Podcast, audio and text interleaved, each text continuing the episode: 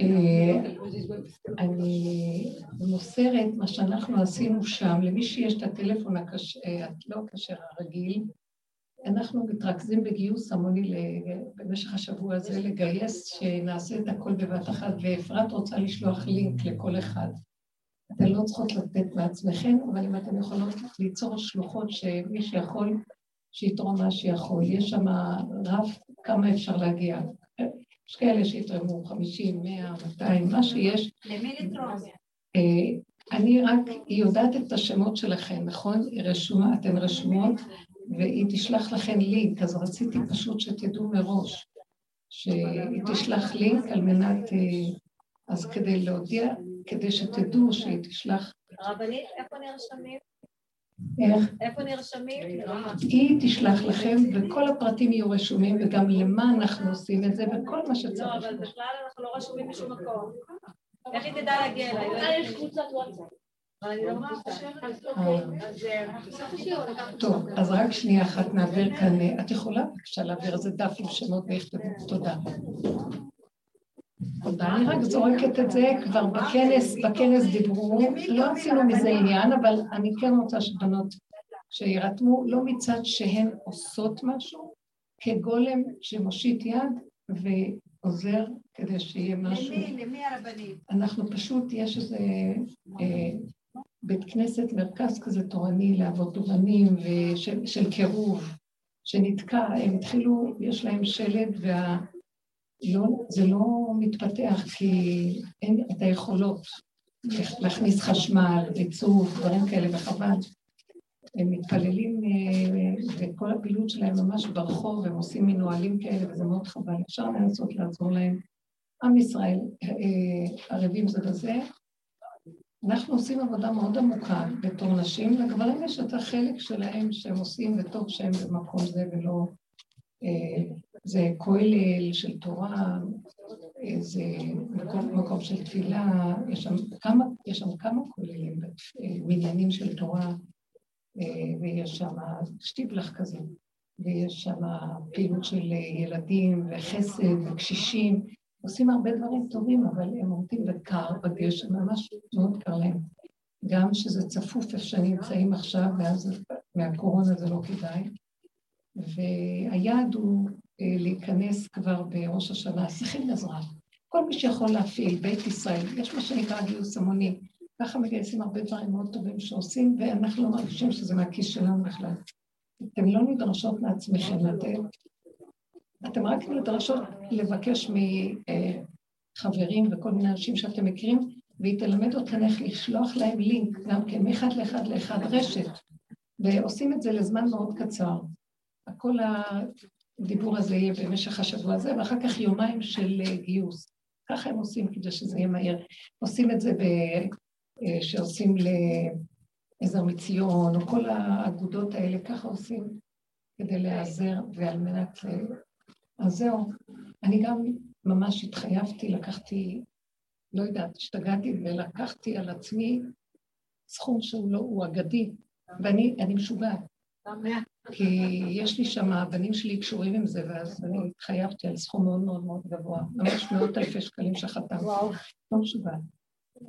אז זה ככה, זה גם מעורר, ברגע שהם רואים שהקבוצות מתכנסות ועושות את זה, אז אה, גם הגברים מכל מיני מקומות, אנשים מעוררות גברים, להכניס את זה לסדר. טוב, עכשיו גמרנו לדבר בעניין הזה. אז רגע, מעבירים איזה דף? כן. שתרשמו את השם שלכם. תודה רבה רבה. דעו לכם שזה לא קשור אה, באופן אישי, אה, לתת איזו הקדמה קצרה שאנחנו צריכים להבין שזה בכלל, אנחנו נכנסים לעידן חדש. אה, נגמרה עבודה, עבודת השם, שכבר לא קיימת המושג הזה. כל עוד יש עץ הדת, יש עבודת השם. עץ הדת הולך ליפול.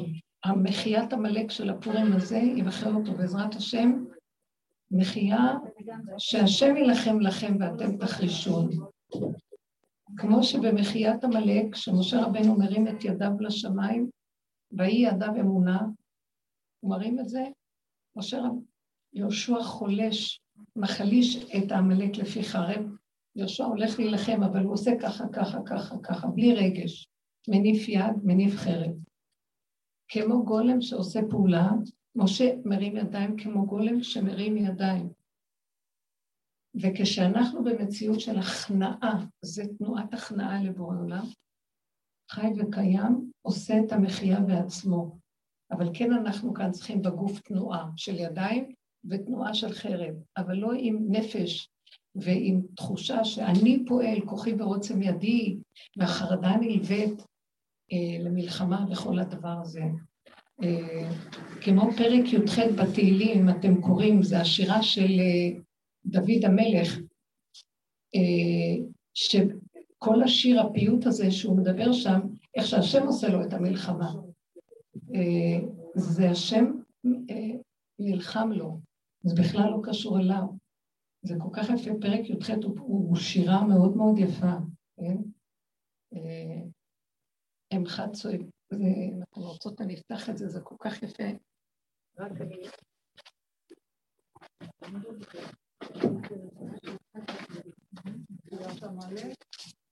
רק כמה פרקים, אה, אה, פסוקים מהפרק היפה הזה, וכדאי להגיד אותו מדי פעם, הוא פרק מאוד טוב, של הכרה.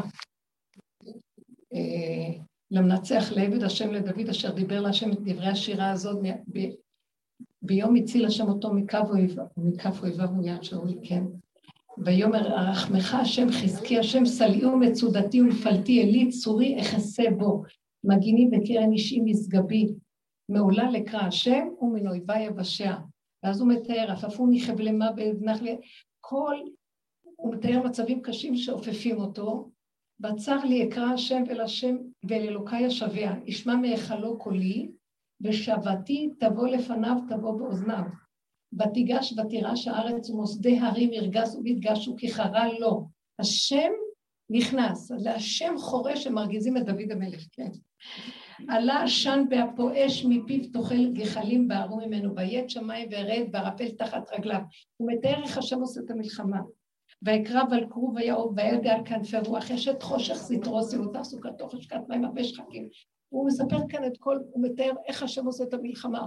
הוא רוכב על איזה כרוב ועושה את כל המלחמה, ודוד המלך לא עושה כלום, הוא רק מושיט יד ברגל, והשם, אה, אז הוא אומר כאן, ישלח ממרום, ייקחני, ימשני ממים רבים, יצילני מאויבי אז, משונאי, כי יאמצו ממני, אני לא יכול להם. אבל הוא מושיע אותי. כל הפרק הזה מדבר, מדהים איך הוא אומר כאן, אה, יקדמוני, ויהי השם למשען לי ויוציאני למרחב, יחלצני כחפץ בי, הוא מוציא אותי, הוא מסדר אותי. תקשיבו, השירה של דוד המלך, איזה דבר מדהים זה. מה שאני רוצה לומר הוא, מה שדוד המלך, שזה הדוגמה של הסוף, איך אנחנו צריכים לעבוד אותו, כי הוא הרועה השביעי והוא הסוף, והוא מתאים, הוא בחינתו של ימות המשיח, לפני ימות המשיח, כל החבלו של המשיח, והימים שבאים אחרי, הנה ימים באים נאום השם. מה מראה לנו? דוד המלך כל הזמן רק דיבר להשם. תקשיבו, אנחנו בדרך כלל, המוח מטעה אותנו ואומר לנו, זה עשר לי, ההוא אמר לי, עכשיו אני אלך להילחם, ההוא מפחיד אותי, זה, אני שונא אותו. דוד המלך, כל מה שהוא עבר, גם כמונו בטבע עם המחשבות, הכל הוא העלה אליו. אמנם נכון שגם כמונו היה בהתחלה הולך עם האני שלו לכבוד השם כמו צדיק, ונלחם, אבל השם לא הצליח אותו בזה. והיו לו הרבה כישלונות וכאבים, והוא היה צריך לברוח מפחד האויבים והשונאים, עד שיראה לו השם. למה השם לא מפרגן לו שילך לו ויצליח לו, כמו יוסף הצדיק שהלך לו? כי הוא אומר לו, אתה כלום לא יכול לבד, רק אני. אתה צריך כל הזמן רק לדבר אליי, לקרוא לי, לייחס את הכל אליי, להחזיר כל דבר אליי. הדיבורים שלך יהיו שייכים לי, אתה לא תדבר, לא המוח ידבר מהפה שלך, הבשר שלך ידבר מהפה. שמעת? תמליך אותי בעולמי. תראה לכולם שאין כאן אף אחד והכל כאן דמיון, יש רק בורא עולם חי וקיים בעולם שלו. למה? אז למה ליוסף? למה ליוסף? יוסף הוא המכין, הוא עושה הכנה לעולם. ודוד המלך מביא כבר את התהליך האחרון. יוסף עושה הכנה לעולם, איך עושים הכנה? העולם מעורבב טוב ורע, נכון לא נכון, הכל מקולקל, מבולבל, אז הוא עושה נפה אחר נפה, והוא אומר בוא נעשה סדר, זה גרוע, זה טוב. אז יאמרו המושלים בואו חשבון, הוא היה מבחינת מושל, מושל על יצרו, עושה מלחמות של התגברות, צדיק, יוסף הצדיק, מול הרשע, פרעה, וכל מיני אחרים שהיו. אה, דוד המלך, השם לא נתן לו, גם הוא התחיל כמו יוסף הצדיק, כולנו ככה הולכים בעולם, נכון? זה מה שאנחנו יודעים. אבל השם לא נתן לו, לא הצליח לו כמו דוד, אה, כמו יוסף. כל מה שהוא עשה, לא הלך לו, כמו שאמרתי. עד שהוא הבין שהוא לא בא כאן כדי אה, להילחם לכבוד השם. הוא בא כאן להמליך את השם בכבודו ובעצמו. זאת אומרת, העבודה של יוסף הייתה הכנה, לברר את העולם, לנפות, להראות שיש לי כוח התגברות על היצר הרע, לעשות מלחמות של היצר הרע. פה בשיעורים לא הזכרנו את המילה יצר הרע, שמתם לב? יצר טוב, יצר רע, בשבילי זה אותו דבר. כי אנחנו לא רוצים בכלל שנעבוד מתוך המחשבה שאני פועל, כי היצר הרע הוא אני רע, יצר הטוב הוא אני טוב, אני מתגבר, אני פועל, אני עושה, זוקף לזכותי. נכון שאני אמור לא להתגאות בזה, אבל ברגע שאני אומר, אני כבר נגנב לי, אה, אי אפשר אחרת. ולכן אה, המהלך הזה של האני כאן לגמרי, זה המושל, מושל יש לו אני, מלך לא צריך אני. אתם מבינים מה אני מתכוון? מושל הוא, הוא יש לו שררה, צריכים לכבד אותו כי הוא אה, בתפקיד מהמלך, אבל המלך מה? המלך לא צריך, הגאווה של המלך היא לא באה מצד שהמלך שלח אותו, הוא בעצמו המלך. אז יש לו כוח אחר למלך. ודוד המלך הבין שהמלכות שלו ניתנה לו לא כמושל, אלא כמלך שממליך את השם, שהוא המלך והוא רק הכיסא של המלך, המלכות של השם. יש מלכות ויש מלך. אה, מלך יושב במלכותו. הוא כאילו האפשרות שהשם עליו מתיישב, אבל הוא בעצמו לא מציאות. על כן כל תפקידו היה כל הזמן לקראת הסוף, מרוב ניסיונות החיים ומרוב שהוא הבין שבעצם כל מה שקורה לו, שהשם לא מצליח לו, והביזיונות והחרפות שהוא עבר, חרפה שברה ליבי, הוא אומר, כל הזמן יש לו חרפות. זה כדי להביא אותו להכנעה, להביא אותו לשפלות פנימית, להביא אותו למקום שלא אכפת לו שום דבר אם יצליח, לא יצליח, בגלל שזה לא קשור אליו פה כלום, זה הכל שלו. למה הבאתי את זה עכשיו? כי כשאנחנו מתבקשים בו, תעשו פעולה של חסד, תעשו צדקה, תעבירו, לא ביקשתי מהכיס שלכם כסף, אבל באיזשהו מקום תמיד לא נעים, אני אומרת לעצמי, לא נעים לך, לא נעים לבקש, זה אינטרס, מה? אני אומרת וחוזרת, לא הייתי מעיזה, ושימו לב מתי פרויקט כזה בא, אף פעם בחיים לא דיברתי על הדבר הזה, או דברים מהסוג הזה בשיעורים. זה בא כי השם אומר לי, כלום לא שלכם פה, הכל שלי. תושיטו יד, תושיטו רגל, שלא תחשבו שאתן עושות משהו בכלל. רק אנחנו בעולם העשייה, תיתנו לדבר לצאת, אתם מבינות? אבל כשאנחנו באים לעשות פעולות, שום דבר לא שלנו. זה הזמנים שאנחנו נכנסים למציאות הזאת של דוד המלך. כן חוזרים מעתה, ואני רוצה להגיד לכם כבר עכשיו, משהו משתנה. אנחנו חוזרים לעולם לעשות אה, צדק, חסד, לפי הסיבות, לא מה שהמוח אומר לנו, לפי סיבות. השם מחזיר אותנו לפעול, אבל הפעולות לא שלנו. העשייה לא שלנו. החסד לא שלנו. ועכשיו, זה לא שאנחנו נדבר על זה ונעבוד על זה, זה כבר מאליו קורה. אני שמה לב שכשבא משהו במוח ומציק לי, אני אומרת לו, אבל אין לי כבר כוח לעבוד על המוח, אין לי כוח. אין לי כוח לעשות שום עבודה, אין לי כבר כוח. עשית לך את כל העבודות, אני מותשת, לא מסוגלת, והוא לא, אה, והוא לא מפסיק. אז התשובה, זה אחרי כמה דקות אני רואה שהוא מעלים את זה כאילו לא היה. כאילו, יש משהו קרוב מאוד שמתחיל להתגלות שפועל עבור הדבר, את רק תושיטי יד. רק תהיי לי מילה שקשה לך. רק תגידי, אני רק מושיטה לזה, לזה, לזה. זה כבר לא פעולות שלנו. לכן, אני מרשה לעצמי להגיד לכם דבר כזה. לא שזה קשור אליי, זה גם דבר ציבורי שנכנסתי בו. הוא הכניס אותי. ואני הרבה, בכלל שנים כבר לא עובדת בכלל בשטח, בשטח הזה של כל הסגנון הזה. אני עושה את החסדים הקטנים שלי לפי הסיבות, אבל הוא מחזיר אותי לכל מיני דברים שאני רואה שקורים. אני נכנסת למשל בשידוכים, מה שפעם כבר, פעם עשיתי המון בעולם. אחר כך הוא הפסיק לנו בזמן העבודה הזאת הרבה. ועכשיו אני רואה שהוא מחזיר דברים. מה אני רואה? שהוא אומר לי, ימות המשיח מתחילים, עולם כמנהגו נוהג, אבל הוא לא שלך, הוא שלי. אני נכנס שם ולא את. אז אל, אל תגידי לי דעות, מה, עוד פעם, מה אכפת לנו, מה זה קשור אלינו? כי אנחנו רגילים ככה להגיד בעבודה, מה קשור אליי, מה קשור אליי. עכשיו הוא אומר, אתם תפעלו ותעשו, כי אתם הידיים והרגליים שלי, זה לא קשור אליכם פה כלום, זה הכל שלי, תחזירו את הכל אליי, אבל כן תעשו פעולות, בלי דעות, בלי פרשנות ומשמעות, בלי התרגשות. אתם לא שייכים פה בכלל, אתם קולטים מה אני מדברת? אני רוצה שנדבר על הנקודה הזאת. אין לנו בכלל דבר שהוא שייך לנו פה, כלום. אנחנו פועלים. כן ייכנס טוב, לא ייכנס טוב, כן הצלחנו טוב, לא הצלחנו, זה לא משנה לי כלום. אתם מבינות מה אני אומרת? אבל מושיטים יד ברגל ועושים פעולה. אותו דבר, אני אקח דברים, נכנסים להכין שבת. אני זוכרת, היו פעמים שהייתי אומרת, אבל אין לי כוח להכין שבת. אני יוצאת למרפסת, שותה קפה, חוזרת, נאבקת עם עצמי, לפתוח את הסיר, לא לפתוח, להתחיל לכתוב, לחתוך את הירק, לא לפתוח. ועכשיו, כאילו, זה, ואז הרבה צעקות ותפילות, ובאמת אחר כך הייתי רואה שזה הוא פועל דרכי וזה לא אנחנו והדברים נעשים. היום אני אפילו לא, אני רק אומרת לו, אבל אתה ציווית את השבת, תסדר אותה, אני לא יכולה יותר, אין לי כוח להילחם, אין לי כוח להתאגן, אין לי כוח, אני לא יודעת איך אני מוצאת את עצמי נכנסת, לא יודעת איך זה נהיה בכלל. אין כבר, זה מדלג על הדעת, אתם מבינות? אני אומרת, הוא, הוא לא רוצה שאני אביע דעה, אוף, עוד פעם ניכנס למטבח, אוף. אל תרימי ראש להתלונן. אל תרימי ראש להגיד, מה הילד לא קם, כן קם, לא מעניין אותך, הערת אותו פעמיים, את רוצה להעיר אותו שלוש, תעירי שלוש, לא רוצה להעיר, אל תעיר בכלל. לא אכפת לך כלום, תעשי פעולה פשוטה, ודרך הפעולה אני מתגלה.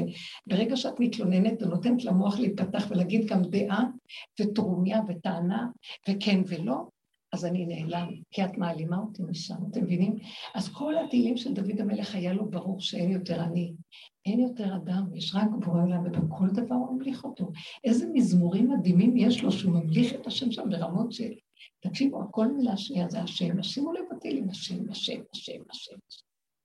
זה פרק פלאים. אנחנו מדברים בדרך טבע, מדברים מילים, מילים, ויש היגיון ואיזה שכל. שם זה לא היה שכלי והגיוני, ועוד תגידו שהוא היה אחד מראשי הסנהדרין, והיו שם תלמידי חכמים עצומים כמו דואג האדומי, אחיתופל, שהיו בדרגה של משה רבנו, ככה אמרו. והם שומעים אותו אומר כל רגע, השם, השם, כמו מפגר, שזה לא שכלי. כי אנשי הסנהדרין אנשים חכמים, שכליים, לא מדברים השם. מדברים חוק, מדברים על חוקות התורה, מדברים על הפלפול שבדבר, על הרעיון, על, ה, על החוכמה שבנקודה. לא מדבר השם, השם, השם, השם. אז הוא היה נחשב מוזר הייתי לאחי ונוכרי לבני מי. הנקודה הזאת עכשיו יורדת. אנחנו גם לא צריך אפילו לדבר, אבל צריך לחיות את זה. כי גם הרבה פעמים מדברים השם, שזה גם מרגיז. אתם מבינים מה אני אומרת? הם כבר, אה, כבר אין גם מה לדבר על זה. כן, השם נתן לי לכתוב באלון, חילקנו בכנס אלון כזה, חבל, הייתי צריכה להביא לכאלה שלא היו. אתם יודעים מה, אני אבקש מאפרת שתביא לי שבוע הבא ותקבלו את אלון. אז כתבתי שם משהו על נושא התפילה. יש שם כמה מאמרים בנושא התפילה, שאנחנו עכשיו, אה, התפילה שלנו זה דרך יסוד הלא יכול, ורק אתה. אני לא יכול, זה רק אתה. זאת אומרת, אנחנו עוד אומרים את התהילים של דוד המלך, כי זו התפילה שאנחנו אומרים. גם חז"ל תיקנו לנו את סדר התפילות, הרבה מהתהילים יש בתפילות של היום-יום, כן? אה, חלקים לקוחים מהתורה, חלקים לקוחים מהנביאים, חלקים מהכתובים, שזה התהילים. ואנחנו, בסוף התפילות יבואו מהבשר של כל אחד ואחד. הוא כותב, הוא אומר לעצמו את התהילים של הבשר שאומר לו איך להגיד. אתם מבינים? אפשר להגיד את התהילים, בגלל שאנחנו בגלות, בתפיסת המוח, לא יכולים לחוות את מה שדוד המלך חווה כשהוא היה משוחרר מהמוח וחי רק עם החושים והיצריות. זה לא רק, הוא היה חי משם את הבורא, אז לקראת הסוף זה איך שאנחנו נחיה. אז אנחנו כבר אפילו לא נצטרך להגיד את התהילים שלו, זה יצא לנו שלנו, התהילים של הבשר ודם שלנו. גם התהילים שיצא לך, יהיה, פתאום יצא לי איזה פסוק מדוד המלך, פתאום איזה פסוק מהתורה, מתוך הבשר של עצמנו, אתם מבינים מה אני אומרת? שזה כל מה שאנחנו כבר יודעים, גם דוד המלך, מאיפה הוא אמר את התהילים? גם זה כתוב כבר היה, והוא רק אמר את מה שכתוב. יש ספר גדול שהיה כתוב הכל עוד קודם, לפני שהכל נכתב וירד לפה, על ידי זה, זה, זה. הכל כבר מראש צפוי, כן? הכל כבר מראש חתום. רק דוד המלך אה, בבשר ודם שלו גילה את הפסוק הזה והביא את זה למטה. גם התורה, משה לא המציא את זה מהראש שלו, הוא הביא את זה מלמעלה, זה כבר היה קודם. אז לכן אני אומרת שגם לנו יש לכל אחד ואחד את המיוחדות שלו בתפילה, ואת זה הוא רוצה מאיתנו. ועם כל העבודה הזאת שעשינו שנים, שהשקענו בה את השכל דעת מול דעת, לקחנו את הדעת של עץ הדעת ועבדנו איתה דומה ודומה מתקן, להתבונן בעצמנו ולראות כל הפגמים, והיינו מתפללים דרך הדעת. עכשיו, באמת זה דבר מאוד יפה, אז עשינו הרבה התבוננות, התבוננו בתוואים, והתפללנו על זה ודיברנו על זה ולמדנו את זה. עכשיו ההתבוננות מתחילה להיגמר, כי ההתבוננות דורשת הבנה, אה, הסתכלות, שכל של עולם, ועכשיו מתחיל להיות התבודדות. זאת אומרת, ההתבוננות, הנון, נהיה ד'. אנחנו מורידים את המקום הזה למצב של ד' מלשון הנון, זה כאילו שער החמישים הוא נון, כמו הנחש נון, יש לו, הוא ארוך, הנון ארוכה, שער הנון. אה, אנחנו קילפנו אותו על ידי ההתבוננות, ובסוף נשאר הדלת במקום. ד' מלשון דלות. מה זה דלות? דוד המלך אומר, אני לא יכול, אין לי כוח, אני לא מבין, רק אתה עושה הכל. השם תודה. אם אתה לא היית מסתכל עליי ואבוי לי, אם לא היית עוזר לי, זה רק אתה עשית ככה, זה רק, הוא מייחס את הכל אליו, והוא דל ואני, והשם הוא זה שנותן. אז זאת אומרת, זה מין מצב שאדם כבר לא נזקק למוח לחקור, שמנו פנס על החור בחורים בסדקים של כל הצבעים והמידות שלנו, ולמדנו, כאן זה היה בית מדרש, לעבודת מידות מאוד מאוד גדולה. כל זה הולך להיות מקום אחר לגמרי. מה המקום שזה הולך להיות? בינך לבין עצמך, כאן ועכשיו, ולא שהמוח נפתח למעלה. שימו לב, אני אתן דוגמה. שומעת אור, מה הדוגמה?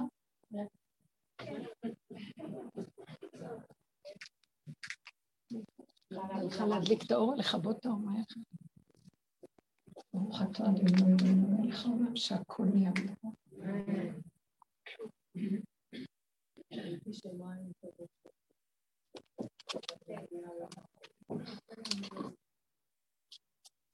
שימו לב, אני רוצה לדייק, בבקשה תשימו לב, יש כאן חידוש שממש חשוב לי שעוד תחזור.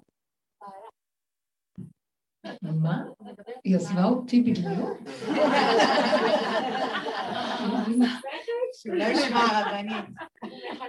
נפלא, נפלאת ממני, לא אבינה.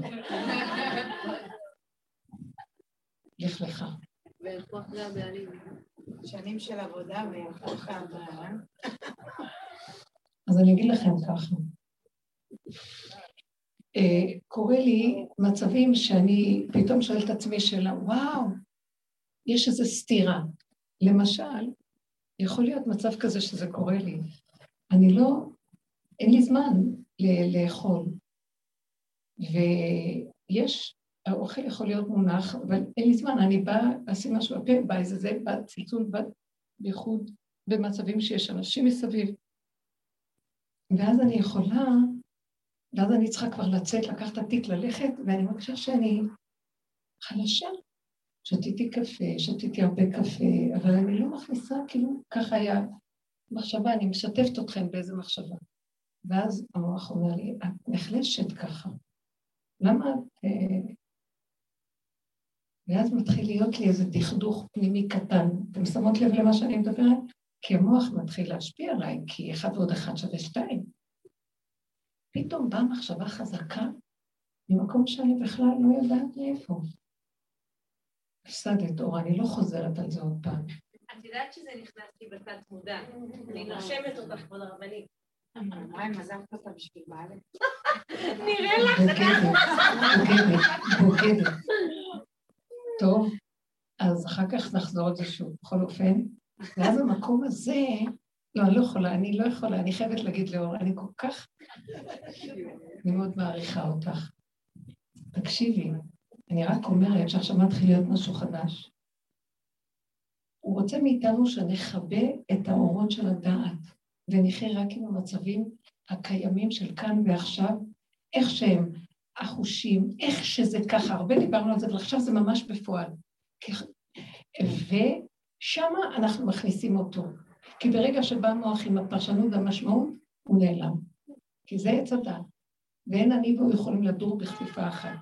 נתתי דוגמה שיכול להיות מצב שאני, יש אוכל ואני לא מספיקה לאכול ואני צריכה לקום, לצעוק ולעשות כל מיני דברים, ואני מרגישה שהגוף חלש. ואז כשאני כבר יוצאת, אני אומרת לעצמי, למה לא אכל? כי עכשיו עוד הרבה שעות, ואז אחר כך... ואז המוח מתחיל לרטון ולהיות מדוכדך ברמה, אם אני שמה לב קצת, תראי איך את נראית, למה את לא יכולה? ופתאום בא מאיזה מקום שאני לא יודעת מאיפה, מחשבה שאומרת, תפסיקי, תפסיקי, את מפריעה לי להתגלות שם. המוח שלך אומר, אם אוכלים, אז יהיה לך כוח. לא אכלת, לא יהיה לך כוח. לא חייב, את יודעת? לא תאכלי ויהיה לך כוח ממני. נכון שזה דרך טבע, ולא היית נוהגת בדווקא לעצום ולהרעיב את עצמך ולעשות תרגילים מהסוג הזה, זה לא מתאים לנו בכלל. אבל אם הסיבה הסתובבה ולא הייתה אפשרות, גם כשאת רוצה, אבל את לא יכולה בלחץ, אני לא יכולה לאכול כשיש לחץ, קשה לי מאוד. אפילו את המעט, זה צריך שזה יהיה שקט ואפשרות קצת ריכוז של כמה דקות.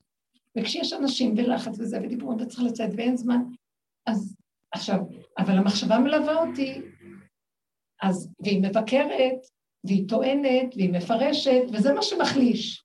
הוא אומר לי, לא חייב להיות. תראי את המוח, והמחשבה הזאת, את יכולה גם להביא אותה לפה ולהגיד, אבא, בשנייה אחת שאתה יכול להעמיד אותי על רגליים ולא צריך שום דבר. אל תתני למחשבה להתרחב, ואז תתעלי בה ותמליכי את ההיגיון והחשבונאות, שזה וזה שווה זה, ואם לא, המצב מאוד לא טוב. כי זה מה שגורם אחר כך שהמצב לא יהיה טוב. אתם לא נותנים לי להתגלות בעולמי.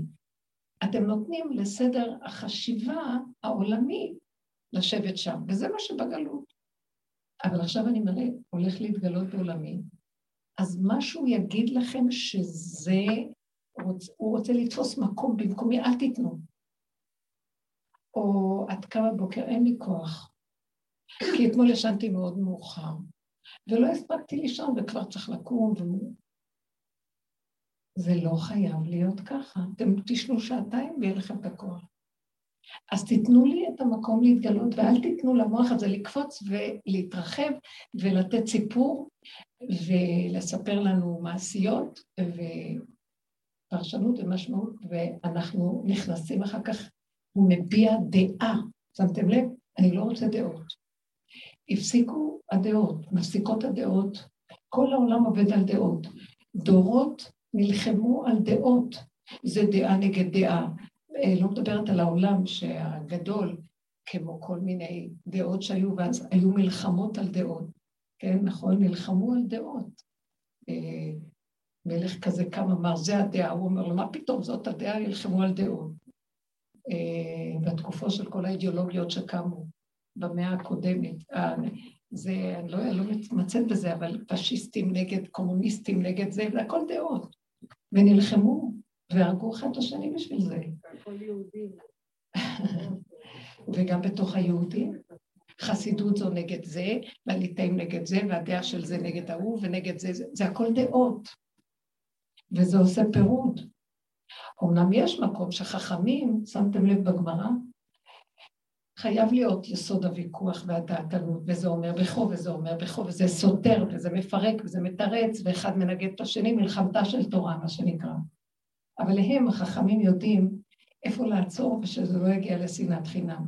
אבל העם הפשוט שנכנס בד... בדעות ורעיונות, יכולים להילחם. הם נלחמים רק לצורך שעה כדי אה, לפרק את הקליפה שנמצאת בדעת, ולברר את הדבר דבור על אופניו, אם זה הלכה פסוקה או אם זה דברי תורה או מה לא. אבל בני אדם מתחילים אה, להתווכח, להילחם, ומאבדים את הצורה.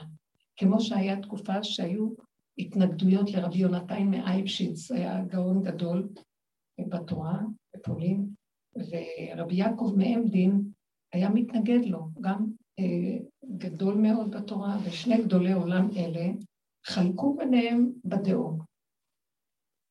מהמחלוקת של הגדולים האלה בדעות שלהם, בדעות, בדעת תורה, קמו התלמידים שלהם והפכו להיות אש מדורה של שנאה יוקדת אחד לשני. והחצרות נלחמו אחד בשני וזה היה מזעזע. ממש היה שם חורבן. אחרי הרבה דור, שנים, לא יודעת, נפטרו שניהם ובאו לחלום לאחד התלמידים. אחד מהם בא לחלום ואומר לו, תראו מה אתם עוללתם במחלוקת שלכם. אני ורבי יונתן, לא יודעת אם זה היה רבי יעקב מעמדי, נתגלה, ואחד התלמידים אמר, אני ורבי יונתן חברים הכי טובים בעולם הבא, אנחנו יושבים ולומדים תורה ביחד, ואנחנו מתמוגגים אחד מהשני. ואתם פה שורפים את העולמות בדעתנות שלכם, כי אתם לא יודעים איפה הגבול הנכון, המידות המקולקלות העושות כל חלקה טובה. על כן השם אומר היום, אתם תפסיקו עם הדעות, כי זה מה שמחריב את העולם, ואני לא רוצה את זה. בואי נגיד, זה בעולם הגדול. בעולם הקטן גם יש לי דעה כזאת נגד הדעה הזאת. כמו שאמרתי לכם, תאכלי, לא תאכלי, את תחשי, אז לא יהיה לך כוח, ואז אני מדוכדכת, ואז אני אומרת לעצמי, איזה קשה אני עובדת, ואף אחד לא עוזר לי, ואז אני מתחילה לקטרג עליהם, או להגיד איזו מילה לא טובה להוא. שום דבר. זה הדעות גונבות אותי, לא חייב להיות ככה, השם בא ואומר, לא חייב להיות, את לא תאכלי והכל יהיה בסדר. יהיה רגע שפתאום אני אביא לך משהו הכי קטן, וזה יסביר אותך, וזה את תהיי בריאה אולי. הכל בסדר. למה את נותנת משמעות למוח? אני עכשיו נכנס למקום שאת מורידה את הדבר הזה, זה מחיית עמלק. שמתם לב? יש דרגות לעמלק, יש דרגות. בדרגה, איפה שאנחנו עכשיו נמצאים, בעבודה שלנו, הוא לא עושה שום דעתנות. חווה, כמו שדיברנו, זה מאוד מאוד יפה בכנס. הלבנה קטרגה ואמרה, שני מלכים בכתר אחד, ידוע המדרש שזה נכון, שהשם ברא אותם ביום הרביעי. וייצר השם אה, את המאורות, השם אלוקים את המאורות, את שני המאורות הגדולים. המאור הגדול, קודם הוא אומר המאורות הגדולים, ואחר כך אומר המאור הגדול לממשלת היום, והמאור הקטון לממשלת הלילה. אז מה פתאום היו גדולים ופתאום אחד גדול, אחד קטן? אלא כך, המדרש אומר, הלבנה באה לפני השם ואומרת לו, ריבונו של עולם, שני מלכים השתמשו בכתר אחד, כי הם היו שתי מאורות גדולים, שתי שמשות. בתחילה הלבנה הייתה כמו שמש, שתי שמשות היו בה. אחד קראו לו לבנה, אחד ירח, אה, שמש, אבל הם היו באותו גודל.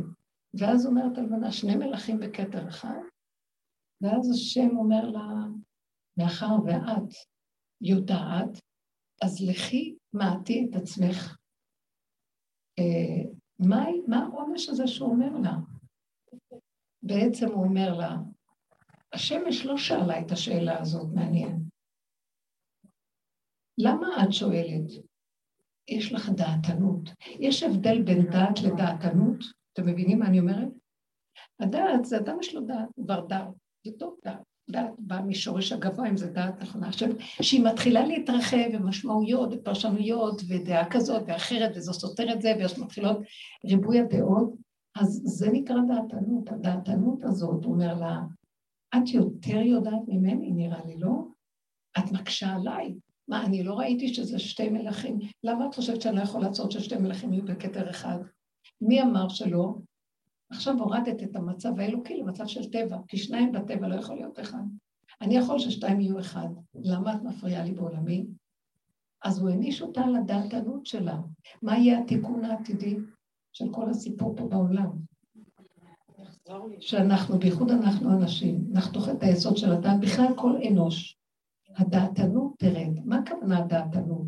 דעת זה דבר טוב, אבל כשהיא מתרחבת והופכת להיות רגשית ואישית, והיא מתרחבת, והיא נכנסת לרמה של רשות הרבים בגדלות, אז היא מחריבה עולם. אז הוא העניש אותה, לכי מעטי את עצמך. ומתי העונש הזה ייפסק? הנה העבודה שאנחנו עושים, שנפסיק סוף הדרך. נפסיק דעות. אל תביעי דעות. מה זה קשור לדעות? מה קשור? זה ככה, לא ככה. אני יודעת בשבת אם יושבים מתווכחים בדברי תורה בנושאים שונים. שזה מותר להתווכח בדעתנות בנושא תורה, זה בסדר. אבל יש מקום יותר גבוה מזה, שמי שבאמת חי את הדבר לא מתווכח ולא מדבר. הוא חי, הוא רואה את הדבר חי וקיים מול עיניו. מה צריך לדבר, להתווכח? זה כאילו כאשר משעמם פה ואין לנו מה לעשות, אז הדעת משמחת אותנו כשאנחנו מדברים. פחות נתעסק בדברי תורה, אבל כשאנחנו גולשים לדברי החיים, וזה אומר לא, והוא לא אומר, וזה מקפיד עליו, למה הוא אמר ככה, וזה פגעת בי, כי אמרת ככה, אתה סותר אותי. כן, אנשים מתחילים להיכנס לקנוניות, קטנוניות ודברים קשים. וזה נובע מהמקום הזה של הדעתנות, של הלבנה, שאמרה לכי מעטי את עצמך. גם יש עוד מקום שזה מופיע, שהשם אמר, תדשי הארץ דשא עשב, עץ פרי עושה פרי, מזריע עץ פרי עושה פרי למינו. והארץ עשתה משהו אחר ממה שהשם אמר לה. הארץ היא בעצם הבחינה של הלבנה, כן?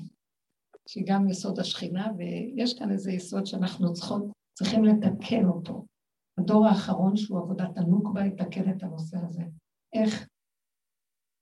בבכי ובתחנונים יבואו. אין דת ואין כלום, בהכנעה, בענווה, באמונה פשוטה. איפה שנגמרת הדת, מתחילה האמונה. מה זה אמונה? אמונה זה לא בן אדם שיש לו אמונה, אין אדם שיש לו אמונה, אמונה זה אמת, מילה נרדפת לאמת. אמת זה חותמו של השם. האמת מתגלה על הבשר ודם כאשר מפסיק להיות לו דעת. כי כל עוד יש לו דעת, הוא לא יכול להגיע לאמת. יכול שיהיה לו שכל של אמת.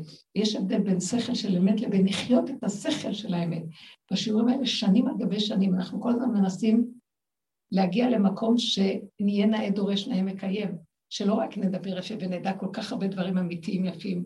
הנה אני כאן נותנת דיבורים, אחרי רגע הייתי הולכת, מישהו רק אומר מילה, אני נשברת, אז הייתי אומרת, או, כמה דיבורים גבוהים יפים, אתה יודע להגיד ושזה בא לתכלס מה. זה, הדרך הזאת זה לא דיבורים, זה לא הבנות, זה לחיות את זה, לחיות את הביזיון, לחיות את הרגע הקשה, ולהישאר במקום הזה ולהגיד, אבל לא שלי כאן כלום. וזה מה שנותן אפשרות להישרד ולא להישבר. אבל כשאנחנו רק יודעים את הדברי אמת ולא חיים את זה באמת, נשברים כל רגע ורגע, כשבא ניסיון לגבי דידנו, אנחנו לפעמים נשברים. בין הידע לבין המציאות יש הבדל גדול מאוד. אתם יודעות שזה ככה, נכון? אז כל העבודה שלנו היא להודות, להסתכל על זה ולהסתכל. לקראת הסוף אנחנו מגיעים לקטנות, לפשטות, שהשם לא רוצה מאיתנו דעות. אז מה זה אומר, הוא לא רוצה דעות? הוא רוצה שנחיה את הדבר, לא שנדבר על הדבר. האם אתם קולטות מה אני מדברת? שנדבר את הדבר, זה דבר אחד. שנחיה אותו. שלמשל עכשיו אני מדברת ואומרת לכם, הוא יכול לסדר הכל. מה זאת אומרת? שאני דואגת שלא אכלתי, בשנייה אחת הוא יכול לתת לי לחיות, מה, איזה משכנע זה נשמע, וזה דבר אמת, אמרתי. עכשיו אני אלך, נניח ולא יהיה לי לא כמה שעות איזה משהו לשים בפה או לאכול, חס וחלילה, חס ושלום, זה מזעזע אותי רק לחשוב על זה. ואו קפה, לא כל שכן. אז איפה האמת עכשיו? בואו נראה שלא יהיה, ואחרי רגע, עכשיו אמרה לי מישהי מאוד מאוד, אה, סיפרה השבוע סיפור באחד השיעורים ביום ראשון. היא נסעה לבלגיה, ואחר כך, כשהם חזרו, באמצע הדרך הייתה תקלה במטוס, במנועים. ואז עכשיו הם אמרו להם שהם במצב חמור מאוד, ושכולם יחגרו, ושהם נמצאים במציאות של, אה, אה, מה? מציאות סכנה מאוד גדולה, והם עושים, אה, מנסים לעשות נחיתת חירום, ושהם ממש נמצאים בסכנה גדולה. משהו במנועים של הזה התקלקל פתאום. אז היא אומרת לי, זה מעניין שהאישה הזאת מספרת לי שזה כבר כמה פעמים קרה לה, שהסיפורים האלה קורים, כמה פעמים כבר קרה לה בטיסות שלה באירופה, אז היא אומרת לי, וכל פעם שזה קורה, הלוא זה חיל ורעדה, חבר'ה, מה אתם חושבות? אז היא כל פעם אומרת, אני, ואז באותו רגע אני מבטיחה סכום גדול לצדקה וזה, אבל הפעם אמרתי, טוב, אני לא הבטחתי שום סכום. פתאום מצאתי את עצמי אומרת, למה שאני אבטיח עוד פעם סכומים של צדקה? בסוף אני, הלוא זה לא יקרה, אז למה שאני אבטיח? אני יודעת כל כך נורא מתוקה.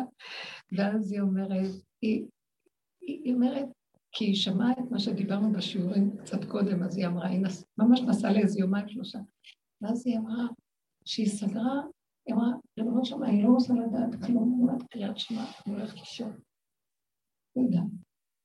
כי היא לא יכלה, היא אמרה, דת תגרום לי פחד, חרדה, ואז אני אהיה צדיקה ואני אנדב כזה ואני אגמור את כל הטילים, אין לי כוח לכלום, אתה רוצה תעשה. היא ביקשה רחמים שהמוח ייסגר לה. ואז באמת היא אומרת שהיא לא הרגישה איך הם באמת נאבקו על הדבר הזה, לקח להם קצת זמן, ואחר כך הם עשו נחיתה, אה, ברוך השם, ולא קרה כלום. היה שם הרבה צוות שהגיע מכל הכיוונים, פחדו. אז היא אומרת שהם נחתו במקום ונתנו להם אה, מלון שם. אה, אבל מלון לא כשר, אישה חרדית, מלון לא כשר. אישה במלון של גויים, אין שם שום דבר שיכולה לאכול. אז היא אמרה לעצמה כזה דבר. והיו צריכים להישאר שם כמה וכמה שעות, אולי 24 שעות או משהו, אז מה היא תעשה? אז היא אמרה לעצמה, כמו שסגרתי את המוח שם, שלא יהיה לי שום דעה. אם אני אוכל, אני... אז, אז שאלו אותה בשום, אז מה, לא אכלת? אמרת לי, לא, לא אכלתי. אבל מה שעזר לי זה מה שדיברנו, שבמילא, במילא, אם אני סוגרת את המוח, אני לא מרגישה. ומילא אם אין לי דעה שאני אמות אם אני לא אוכל, אז לא, לא יקרה לי כלום. היא אומרת, והצלחתי, ביקשתי מהשם רחמים והצלחתי, שמקסימום אמרתי לעצמי, אז עוד יום צום, אז מה כבר יכול להיות, כן? היא אומרת שהיא עברה את זה כל כך בקלות, כי כשהיא לא התפתתה לדעתנות, למוח שנפתח ומתחיל להתרגש ולפרש ולחשוב, גם במטוס, גם פה. אז היא אומרת, פשוט ראיתי את ההשגחה, פשטות, פשטות. אולי בגלל זה הוא הציל את כל המטוס, לא יודעת מה. זה לא פשוט. אז היא אומרת, ככה היא, עד שהם לא עלו למטוס, לא, גם כשהם עלו למטוס של גויים, גם כן, החברה השנייה, אז לפחות שם היא יכלה, אה, אולי, לא יודעת משהו, אבל היא אומרת שככה היא הייתה שעות ארוכות בלי לאכול, ולא היה, היא לא הפריעה לה. והיא שמה לב שזה קשור לפרשנות ולדעתנות של המוח. מאוד יפה.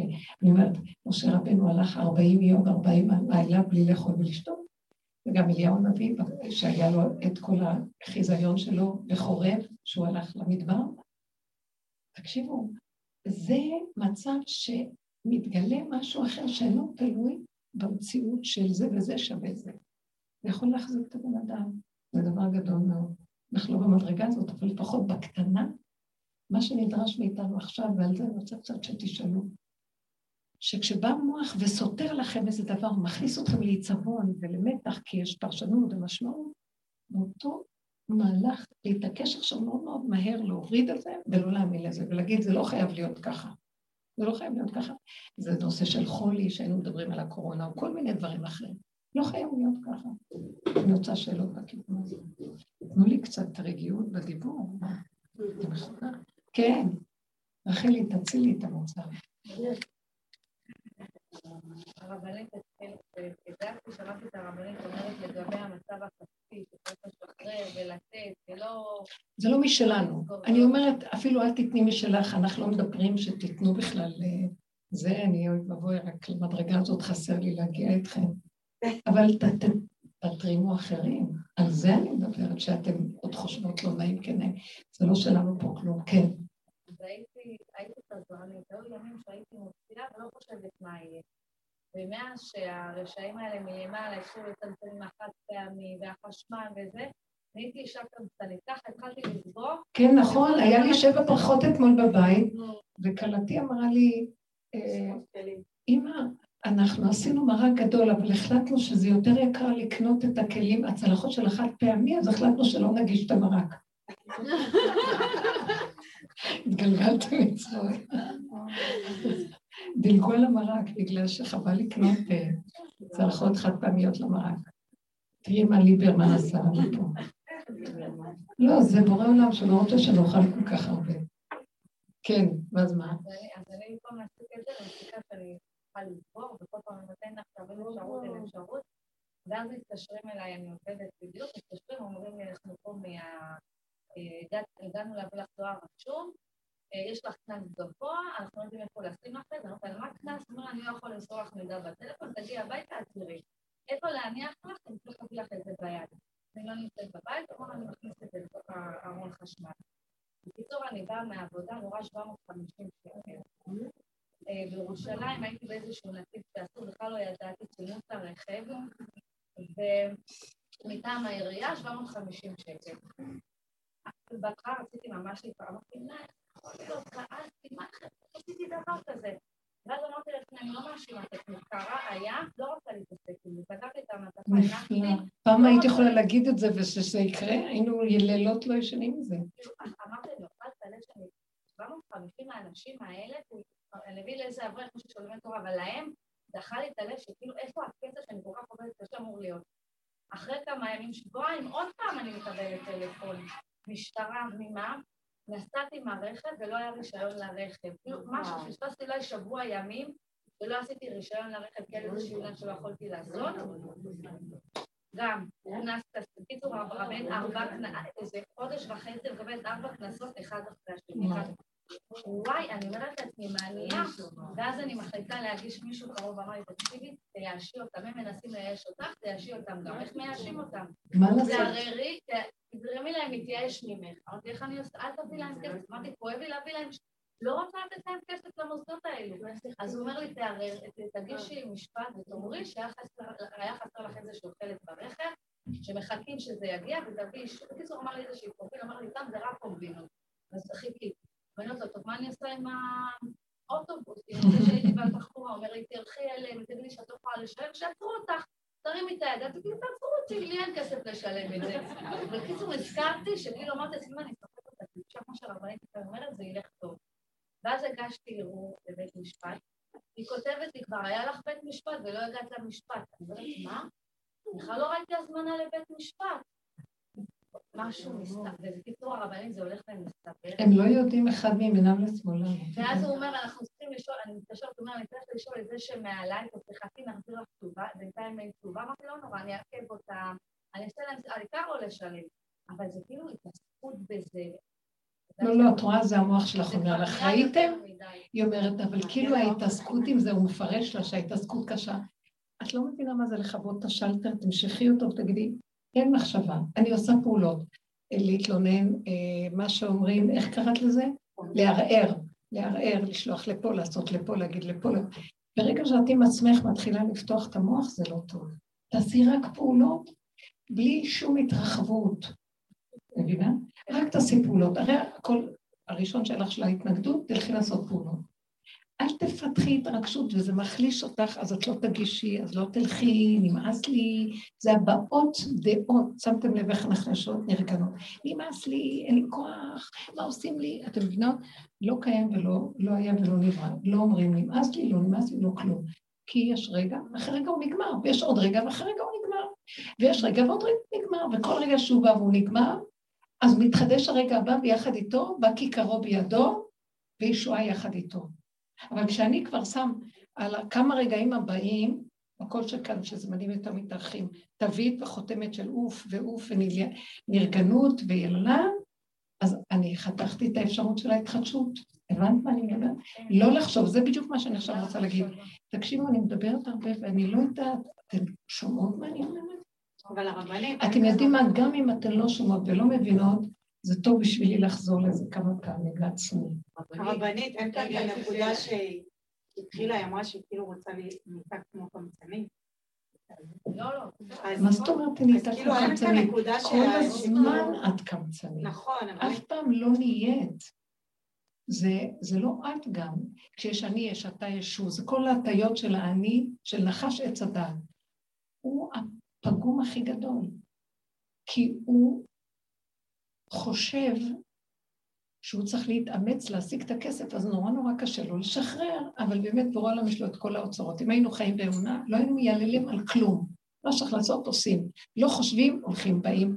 ראיתם את uh, הסיפור של רבי נחום איש גמזו, שהלך עם כל האוצרות של כלל ישראל, המלך, ונעלם לו הכל גנבו לו. לא היה אכפת לו אם נעלם או נשאר. הוא אמר, מה אכפת לי? רוצים להרוג אותי, שיהרגו. אני לא יודע, ככה זה קרה וזהו זה. זה אמונה של איך שזה ככה, ואיזה ישועות נעשו לו. Uh, המקום הזה של הפרשנות כתוצאה מזה נהיה uh, מה שנקרא מידות כמו קמצנות, קנאה, שנאה, נקימת, זה פרשנות של המוח על הדבר. אני מקנא, כי למה הוא עשה ככה לא ככה, מתגלה קנאה. Uh, מה, זה מה שמגיע לי שכך וכך עשיתי, המוח התרחב, שנאה. Uh, וואו, עכשיו ייכנסו ויכולים גם להתקיף אותי והדלת לא נעולה, פחד. זה המוח מתרחב ויוצר את המידות הרעות.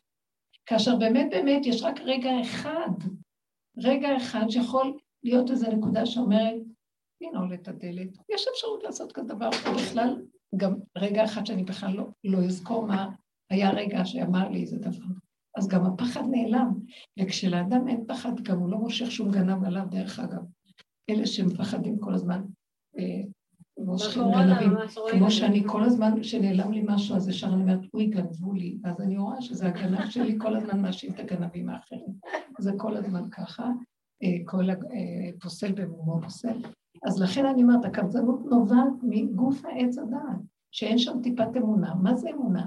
שכלום לא שלנו פה, זה הכל של בעולם, ואין לנו אמונה כזאת. הלוא כי שולט בנו עץ הדעת, שעץ הדעת זה כל תפיסת העולם. זה תפיסת חשיבה, סוג של פסיכולוגיה של חשיבה שהיא מקובעת וחתומה חותם קשה בבשרנו מהנחש הקדמוני, שככה אנחנו רואים את העולם, דרך החרדה והפחד וה, והקימוץ וה... וכן כל הדבר הזה. אז כל עבודתנו באיזשהו מקום, להודות בזה, קודם כל, נכון, מתחת החוק הזה, וה... וזה קורה. ואחרי רגע אני אומרת לו, אבל הם כל כך באהבת לעולם אין לזה שינוי. אתה יודע מה? רק אתה יכול לעזור. רק אתה יכול לפרק את המקום הזה ולעזור לי שזה לא יציק לי ולא יפריע לי, כי אני לא יכול להכיל אותו. אז אני לא יודעת אם לשלם ולשלם זה יחזור.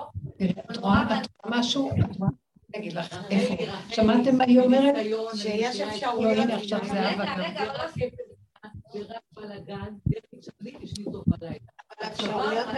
אהובה, אני אומרת, זה אבא, זה נבלה וזה טרפה, סליחה, לא התכוונתי לכם, על המחשבה. כי למה? את אומרת, לא נשלם, לא נשלם, והיא אומרת, כן, שלמי ונגמר. ואני אומרת לך דבר אחד, את הולכת עם הדעה, לעשות ככה או לא לעשות ככה, ונותנת לך דעה כזאת, ואת אומרת לעצמך דעה כזאת. מה דעתך שתניחי את זה בצד ולא תעשי כלום, אבל כן תעשי דבר אחד. תגידי לבורא העולם, אבל תגידי לו, שכחתם את הדרך, תגידי, לו, אבל אבל אתה יודע שאני תחת החוק בצדד, זה קמצנות כעס, זה שנאת חינם, שיחה יש לי עליהם. אני לא יכולה יותר לעמוד מול העולם פה. וגם אני, באמת, כואב לי שאני צריכה לשלם את זה. אז אני מבקשת לך, אני לא רוצה לחשוב, אני עושה מה, אני לא יכולה לעשות. אני רוצה להסיח את זה מדעתי ולמסור את זה אליך. לך סיבה, באר עיניי, גל עיניי והנפלאות. ולהשם. בואו נתחיל עכשיו, רק ככה לחזור. אני לא רוצה לחרוץ לעשות. אני רוצה לרוץ עם החלטה. ככה אנחנו חיים בגלות, המוח מוביל, המוח זה האני המושל בארץ מצרים, והוא אני חכם שצריך לדעת מה סדר הטבע. אני עכשיו באה ואומרת לכם, תנו עכשיו לסגור אותו. כי מתגלה משהו שיביא דבר שלא בדרך טבע, הוא לא מתגלה, אבל תבקשו. וצריך לזכור את זה שיש עוד אפשרות, יש מינוס. את השם תריצי. זה המקום אחר שעכשיו צריך להגיד, לא לקפוץ מה להגיד, כי זה מה שאנחנו רגילים לעשות, או לעשות ככה, או לעשות ככה. יש משהו חדש, ופה אנחנו מחדשים ואומרים, מתחיל להתגלות משהו שברגע שאני מוסרת לו את הדעת הנוצרית, את הפגם, את המקום איפה רגילה לחשוב בצורת חשיבה לו, אבל תתמוך על עולמך, במקום שהאני ימלוך, במקום שהמושל אה, ימלוך, צדיק אפילו. אנחנו לא רוצים את השלטון של צדיק, אנחנו רוצים את השם בכבודו ובעצמו. אתם מבינים מה אני מדברת? הצדיקים גם לא רוצים כבר, הם רוצים השם רצוננו לראות את המגן. זאת אומרת, השם לתת להם תפקידים, והם יכולים להוביל, אבל אנחנו רוצים אותו. מה הכוונה? זה יכול לבוא דרך הצדיקים, שהם בשר ודם, אנחנו נראה את השם בהם ולא נראה אותם. היום אנחנו רצים אחרי הצדיקים כדי... זה יקרה והוא ירד בתוך המדינה, אנחנו נראה שזה לא, זה לא זה רק בורא עולם. זה אחד כזה הוא משיב, שהוא לא לוקח משהו שהוא אה, מתווך בינינו לבין השם, אלא מציאות בורא עולם לגמרי, אין לו תחושה עצמית בשום אופן. מבינים את ההבדל? אז עכשיו אנחנו נקודה חדשה שעליה אנחנו צריכים לנגוע. להעביר אליו את המוח. להגיד לו, תשאיר אותי במקום, אני לא מוכן להכיל את המוח. אני מוכן לחשוב, אני מוכן להישאר במקום של צער ורוגז במוח. שהגבוליות של הגולם כל כך גבולית, שטיפה שיש לי מוח, שיש לו בדרך כלל זה סותר לפעמים, ויש לי קצת מצוקה מהסתירה, כי אני לא יודעת מה לעשות, בכלל להכיל את זה. אז אני אומרת, לא, אני לא יודעת, אני לא יכולה. לא יכולה להכריע, אני לא מבינה. אוי לי מצרי, אוי לי מצרי. אתה לא את שני היצרים האלה. שיהיה טוב, שיהיה רע. עומד, אני רוצה אחת וקיים תתגלה, תעזור לי. אני לא יודעת מה לעשות. שום דבר עד שלא תראי סיבה, תראי סיבות. תגיד לו, תשלח לי סיבה ותאיר את עיניי לראות משהו. אתה בשביל יכול להכניס סיבה פה, ולסדר את כל זה. ראינו שיש... הבנות מספרות לי, נשמעות מדהימות. כן.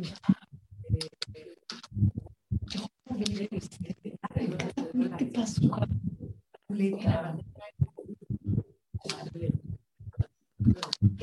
היא רוצה לשלם את הדוח. אומרת לך לשלם.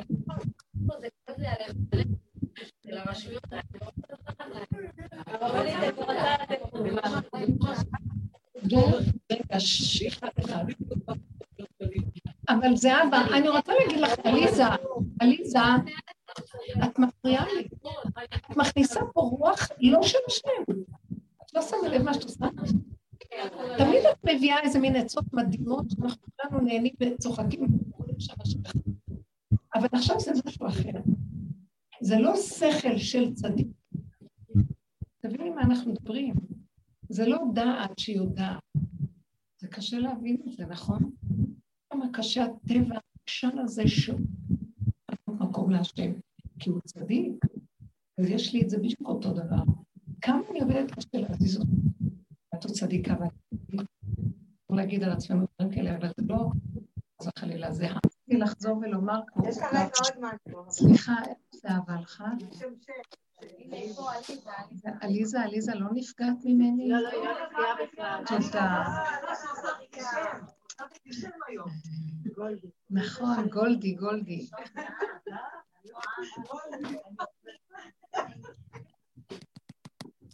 הרבי תתקרב. מה ההבדל בין הגישה הזאת לגישה שאנחנו מדברים? פה זה הגישה שהאדם יש לו עצה טובה והוא ממליך את השכל הנכון על המציאות. אז האדם קיים, הוא ממליך את השכל הנכון, ויש לו עצות. ועוד דבר, הוא נותן לשני עצה. השני עושה מטעמו, כאשר מטעם זה שנותן לו עצה. היועץ נותן עצה לבן אדם, והבן אדם מקבל עצה מהיועץ. כאשר זה שקיבל את העצה הפסיד את האפשרות שיצא ממנו, מתוכו, מה שמתאים הכי לו, כי השם יתגלה ויראה לו. את נותנת לה מהשכל שלך הישר, והיא יכולה לקבל מהשם בכבודו ועצמו מה שהכי מתאים לה. תבינו מה קורה בגלות. כולנו מאותו ספר, רצים ומקיימים כולם את אותו דבר, וכולם את אותה דעה, וכולם את אותו... שמתם לב? זה הגלות. כולנו, ציבור אחד, עושים אותו דבר. אבל השם ברא אותנו באמת שכולן, כשם שפרצופיהם שונים, דעותיהם שונות. כל אחד הוא כלי אחד, יחיד ומיוחד לבורא. ולעולם יאמר אדם, בשבילי נברא עולם, והעולם, השם דרכו מתגלה בצורה הזאת, באך הוא מתגלה בצורה הזאת, ובאך מתגלה בצורה הזאת, ובואו מתגלה בצורה הזאת.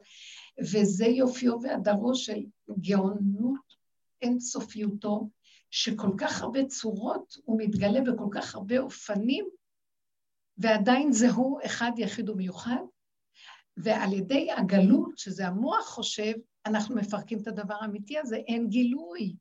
יש, טוב, אז כולם עושים אותו דבר. כולם חייבים זה וזה. היועצים נותנים עצה כזאת.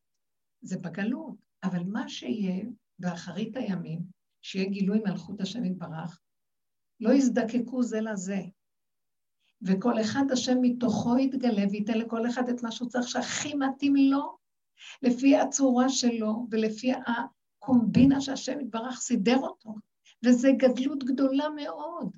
ולא יהיה בעולם שאף אחד לא יעתיק אחד מהשני, כי זה חקיינות והעתקה. כי אין אצל השם יתברך שתיים שזה אותו דבר, זה גדלותו יתברך. ואת זה אנחנו מפספסים על ידי איך שאנחנו נמצאים בגלות, שזה איך שזה אנחנו בגלות. ואם לא היו החכמים והצדיקים שמפרשים לנו ונותנים לנו ולועסים לנו ועובדים לנו, ודוד המלך יגיד לנו את התהילים שלנו, הבנתם מה אני מדברת? לא, בסוף השם יגיד, כל אחד יוציא את התפילה שלו מהבשר ודם שלו. כל אחד יגיד את הנקודה שהכי מתאימה לו. זה לא מאיפה שהוא יגיד, לא מהשכל שלו, אני אתגלה בתוך כל אחד ואחד ואתן לו. תפתחו את הפה ותגידו ותשמעו תשמעו אותי מדבר מתוככם, והכל מתדבר למשה מאליו, מתוכו מדבר הכל. כי הוא נתן להשם להתגלות. ואנחנו כאן חייבים להתחיל להבין שהעולם הולך להשתנות, והבן אדם לא יזדקק למוח שלו כדי לחיות ולסדר את חייו. הוא לא צריך שום מוח. כל רגע שהוא נושם, השם יביא עד אליו באותו רגע את מה שהוא צריך ונצרך לו הרגע עם כל הקומבינה מתאימה לו. וכל הכלים וכל תינוק בא וכיכרו בידו. מבלי להזדקק לחשיבה הקודמת שהייתה ולרוץ לפה, לפה, לפה, לפה. אה, לא כל שכן, כל שיטת הפרוטקציות, ותסדר לי ותעזור לי, אני סומך עליך. ואחר כך אנחנו כל כך מאוכזבים מבשר ודם, כי השם היום לא ייתן את זה כבר. אם פעם זה עוד היה עובד, זה לא ילך. כולם בפחי נפש, אף אחד לא מצליח בכלל לקבל מאף אחד כלום כבר, כי כולם מרגישים שזה הכל, זה לא זה. יש אכזבה, וזה מת השם הדבר הזה, כדי שיתגלה הוא עכשיו, מה שאת סיפרת, סיפרת סיפור, שיכולנו לקחת את זה לפי הצורה של החשיבה הרגילה של העולם. ואת נשארת במקום, את לא יודעת מה לעשות. ובאה דרך ואומרת לך, זו שאלה מאוד תשובה כדי, אה, טובה, כדי לתת דוגמה איך אנחנו עכשיו צריכים לפעול. הפעולה שלנו עכשיו צריכה להיות ככה. ימין ושמאל תפרוצי, לא זה ולא זה, ואני לא יודעת מה לעשות. נכון שיקפוץ לי כן לעשות ככה, אבל יש לי דפיקות לב. לא, אז מה, אז אני אתחיל לריב איתם? לא לעשות ככה, טוב, אז המשטרה תדפוק לי, זה מקפיץ אותי מכל הכיוונים ואני לא רגועה. מה שלא נעשה, ולהתחיל לחכות אה, עצה של מישהו אחר, גם אני לא רגועה. אבל אה, הנבצר ממך להתגלות ולסדר לי את זה, בעצם כל מה שקרה פה, אתה סובבת את זה כי אתה רוצה אותי אליך. קום תתגלה בעולמך ותסדר לנו את העולם, אנחנו תקועים פה. באמת היא צודקת, על פי שכל ישר. הלוא כאן החוקים לא נגמרים. טוב, תבקשו 50 שקל קנס. תיתנו התראה. פעם ראשונה שיש לך כזה דבר, לא ראית כנראה את המסלול הזה, נכנסת איפה שאוטובוסים נכנסים, זה יכול לקרות. אז יש התראה, משלמת 100 שקל. 700, 800, אלף שקל, המון כסף, וזה עולה ועולה. סליחה, זה כבר השתגע. ההמונים כבר לא יודעים מה לעשות, האזרחים תקועים פה. מי נתן רשות לדבר הזה? אז יש לה איזה משהו שמתנגד ולא רוצה לכבד מערכת שכזאת. נכון שיכול להגיד, טוב, השם נותן את הכסף, הוא ייתן הכול. הצעקה שלך והדיבור שלך להשם יחיש אותו להתגלות דרכך, כי יש כלים עכשיו, והוא יעשה כאן סדר ויגאל אותנו מהמציאות הזאת. אז בואו נלך על הכיוון הזה, לבקש ולדרוש. רצוננו לראות את מלכנו. תתגלה עלינו כי בלתי אפשרי פה לשרוד יותר. שהם יצטרכו לברק על, לוותר על הסיר מרק הגדול בגלל שזה עולה הרבה כסף את החד פעמים. שמעתם? מה נהיה בעולם כשהייצור לא מפסיק רגע ליצור? אתם יודעים כמה ייצור יש בעולם של חומרים? העולם מלא חומרים עד אינסוף, כל היום בתי חרושת רק יוצרים. למה שזה יהיה יקר? זה, יש כאן איזה משהו שהשם מסובב דרך לא יודעת מי, שהוא רוצה את הצעקה שלנו, ויצעקו אל השם. מה אני צועקת אליו? אבא, אני לא יודעת מה לעשות. אני יכולה כן לדעת, אני לא רוצה לדעת. אני, לא, אני מוותרת על לדעת. תתגלה, תראה לי שאתה חי וקיים. תעשה לי ישועה פה. אנחנו אפסים וחדלים, ונותנים לך את שרביט המלוכה. כי להשם המלוכה ומושל בגויים, ועלו מושיעים בהר ציון, לשפוט את הר עשיו, שזה עץ הדת וכל הסירחון של כל הקלקול של התודעה פה, והייתה לה השם המלוכה. והיה השם למלך על כל הארץ ביום ההוא, שזה כבר עכשיו מתחיל להיות, יהיה השם אחד ושמו אחד, שכינה וקודשא בריחו, שזה הטבע וההוויה, שזה העולם איך שהוא נראה, יחד עם פעימת ההוויה שפועמת בו. אין הבדל ביניהם, רק לנו זה נראה, זה טבע, ויש בורא עולם בשמיים, שאומר, לא, לא, לא, את זה גם אני בראתי, וגם את זה אני בראתי, הכל זה שלי. תמליכו אותי בעולמי, ואני אתן לכם את הפעימה בתוך הטבע, ותראו שיש אני השם בתוך הטבע, ולכם ישועות שלא בדרך הטבע. תודה רבה. השם יילחם לנו ואנחנו נחריש.